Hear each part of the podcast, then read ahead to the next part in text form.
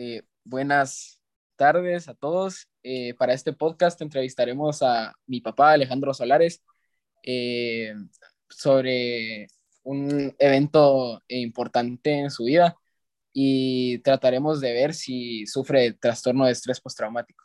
Empezamos con las preguntas. Bueno, primero que todo, Alejandro, muchas gracias por tu tiempo. la primera pregunta es, ¿Cuál fue la experiencia que desencadenó tu trastorno de estrés postraumático? Eh, buenas tardes. Eh, bueno, esa experiencia fue que yo ya desde, muy joven sabía que tenía un problema cardíaco, pero supuestamente ese problema era leve.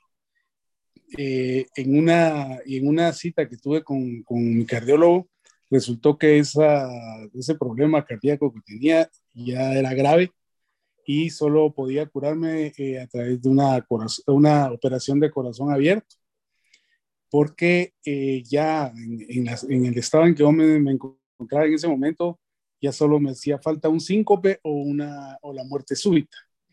Entonces eso, eso fue de, de, la noche a la mañana y sí, sí fue, fue duro. Y a todo esto, ¿cómo se siente al hablar del tema?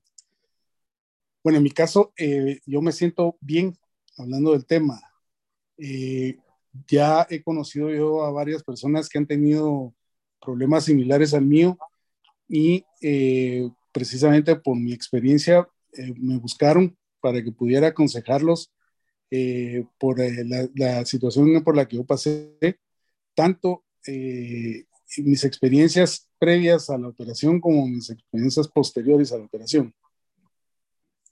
Alejandro, ¿usted con frecuencia se siente inseguro con ciertas situaciones que le recuerdan a su experiencia? No con frecuencia, pero sí algunas veces me siento inseguro, especialmente cuando por alguna razón siento que me palpita muy rápido el corazón o cuando me sofoco por alguna actividad física que no es precisamente muy, muy fuerte. Ahí sí me, me, me, me siento inseguro. ¿Qué hace para mantenerse tranquilo? Detenerme un poco en lo que estoy haciendo en ese momento y respiro hondo durante un buen tiempo y eso me tranquiliza. ¿Y cómo fue tu experiencia? Bueno, eh, fue bastante duro porque como me dijo precisamente mi médico cuando fui a esa, a esa cita, eh, cuando las personas se les habla de operaciones al corazón o al cerebro, generalmente uno piensa lo peor. En mi caso, al final fueron tres operaciones y, cuando estuve hospitalizado, supe de personas, eh, vi personas y oía personas que murieron mientras que yo seguía, seguía vivo. Entonces eso, eso sí fue bastante traumático para mí, vivir esas, esos momentos. Y a todo esto, ¿qué secuelas le dejó ese acontecimiento? Bueno, eh, tal vez eh, yo no, no, puedo, no puedo atribuirlo precisamente a, a, esa situación, pero a raíz de, de, la operación, de todos esos, esos sustos que tuve en ese, en eso, durante esos tiempos, después de la operación adquirí diabetes, que no tenía, pero por lo demás todos los resultados eh, han sido positivos. Eh, a través de esta experiencia, ¿cómo reaccionaron tus personas cercanas? Ah, fue muy duro, fue muy duro. Eh, lógicamente, los que peor lo pasaron fueron mi, mi, esposa y mis tres hijos, porque todos desde el primer momento pues supieron del riesgo que era que, que yo tenía de, de morir en, en, en la operación y digamos, en ese, en ese tiempo mi esposa y yo teníamos 17 años de casados y tenía tres hijos de uno de 16, mi hija de 13 y el más pequeño, que, es precisamente Andrés, de 6 años. Eh, así que para ellos habría sido realmente muy duro que, que no hubiera sobrevivido yo a, a, esas operaciones. Sí, fue un momento muy, muy duro para todos y pero ¿cómo lograste recuperarte de esta situación? Pues eh, siendo así muy, digamos, eh, haciendo caso a todo lo que me decían los médicos y, y pues tomándolo con positivismo, porque si no, si hubiera sido, hubiera sido mucho más duro. ¿Sueles revivir momentos específicos de tu vida en forma de flashbacks?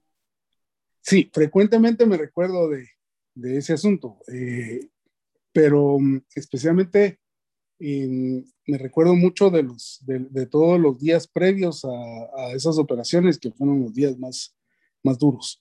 ¿verdad? En ese tiempo que ha pasado, ¿le ha perdido el gusto a algo que antes le gustaba? Eh, sí, pero mm, eh, fue algo positivo, porque le perdí el gusto a fumar. Yo fumaba mucho en ese tiempo y lógicamente por el tema de, de mi enfermedad del corazón, eh, lo dejé desde ese día, desde el día que me diagnosticaron y le perdí el gusto a, a, ese vicio.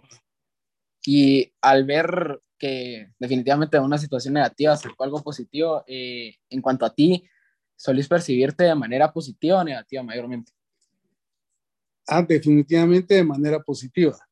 Eh, es que realmente cuando yo platico de este tema, muchas personas se quedan, se quedan digamos, asombradas de, de, como les decía al principio, pues de cuando, cuando se menciona operaciones al corazón, eh, se, se, suele pensar en lo peor, pero cuando se habla de tres operaciones, es todavía más, eh, más raro.